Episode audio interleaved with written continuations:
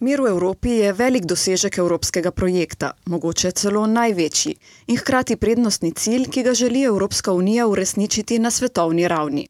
Da bi imel jasnejši pregled nad razmerami in bil bolj učinkovit, je Evropski parlament razvil novo orodje za merjenje miru, normandijski indeks. Poslušate program o boljši pripravi zakonodaje. Današnji prispevek obravnava ogroženost miru v svetu in normandijski indeks. Zavedati se moramo, da je mir krhka stvar. Svet se stalno spreminja. Živimo v času negotovosti, prerasporejanja pristojnosti in splošne krize demokracije.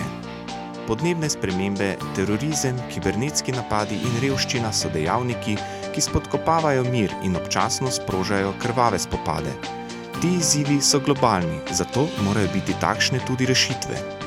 Raziskave kažejo, da evropejci želijo odločen nastop Unije na mednarodnem prizorišču in njeno odločnejše ukrepanje za dosego miru in varnosti.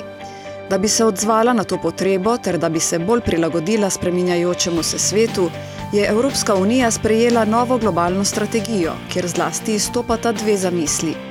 Ukrepati preventivno, preden izbruhnejo spopadi, ter podpirati nestabilne regije in države pri krepitvi njihove odpornosti in demokracije.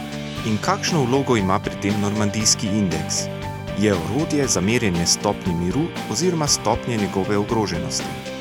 Njegov namen je evropskim voditeljem omogočiti jasnejšo predstavo o pretečih nevarnostih, državljanom kot ste vi in jaz, pa da bi te nevarnosti bolje razumeli. Prvič je bil uporabljen leta 2019, z njim pa se meri 11 velikih nevarnosti. Nič zapletenega, vsaka nevarnost se oceni s pomočjo kazalnika, ki temelji na zanesljivih in priznanih podatkih.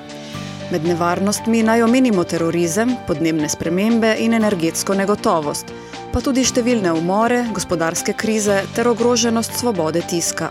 Vsaka nevarnost se z normandijskim indeksom oceni od nič do deset, pri čemer deset pomeni, da nevarnosti ni, ničla pa označuje najvišjo stopnjo nevarnosti. Tako se za vsako državo določi profil tveganja in izdela svetovni zemljevid ogroženosti miru. Evropski parlament ima tako jasnejši pregled nad razmerami in boljši nadzor nad evropsko zunanjo politiko. Namen tega je povečati učinkovitost ukrepov Evropske unije za varnost in mir. A zakaj ravno normandijski indeks? Ker je Evropski parlament pri oblikovanju svojega indeksa sodeloval s to francosko regijo. Vsako leto namreč v Normandiji, ki jo je močno zaznamovala druga svetovna vojna, poteka svetovni forum imenovan Normandija za mir, na katerem aktivno sodeluje tudi Evropski parlament. Končno vse jasno.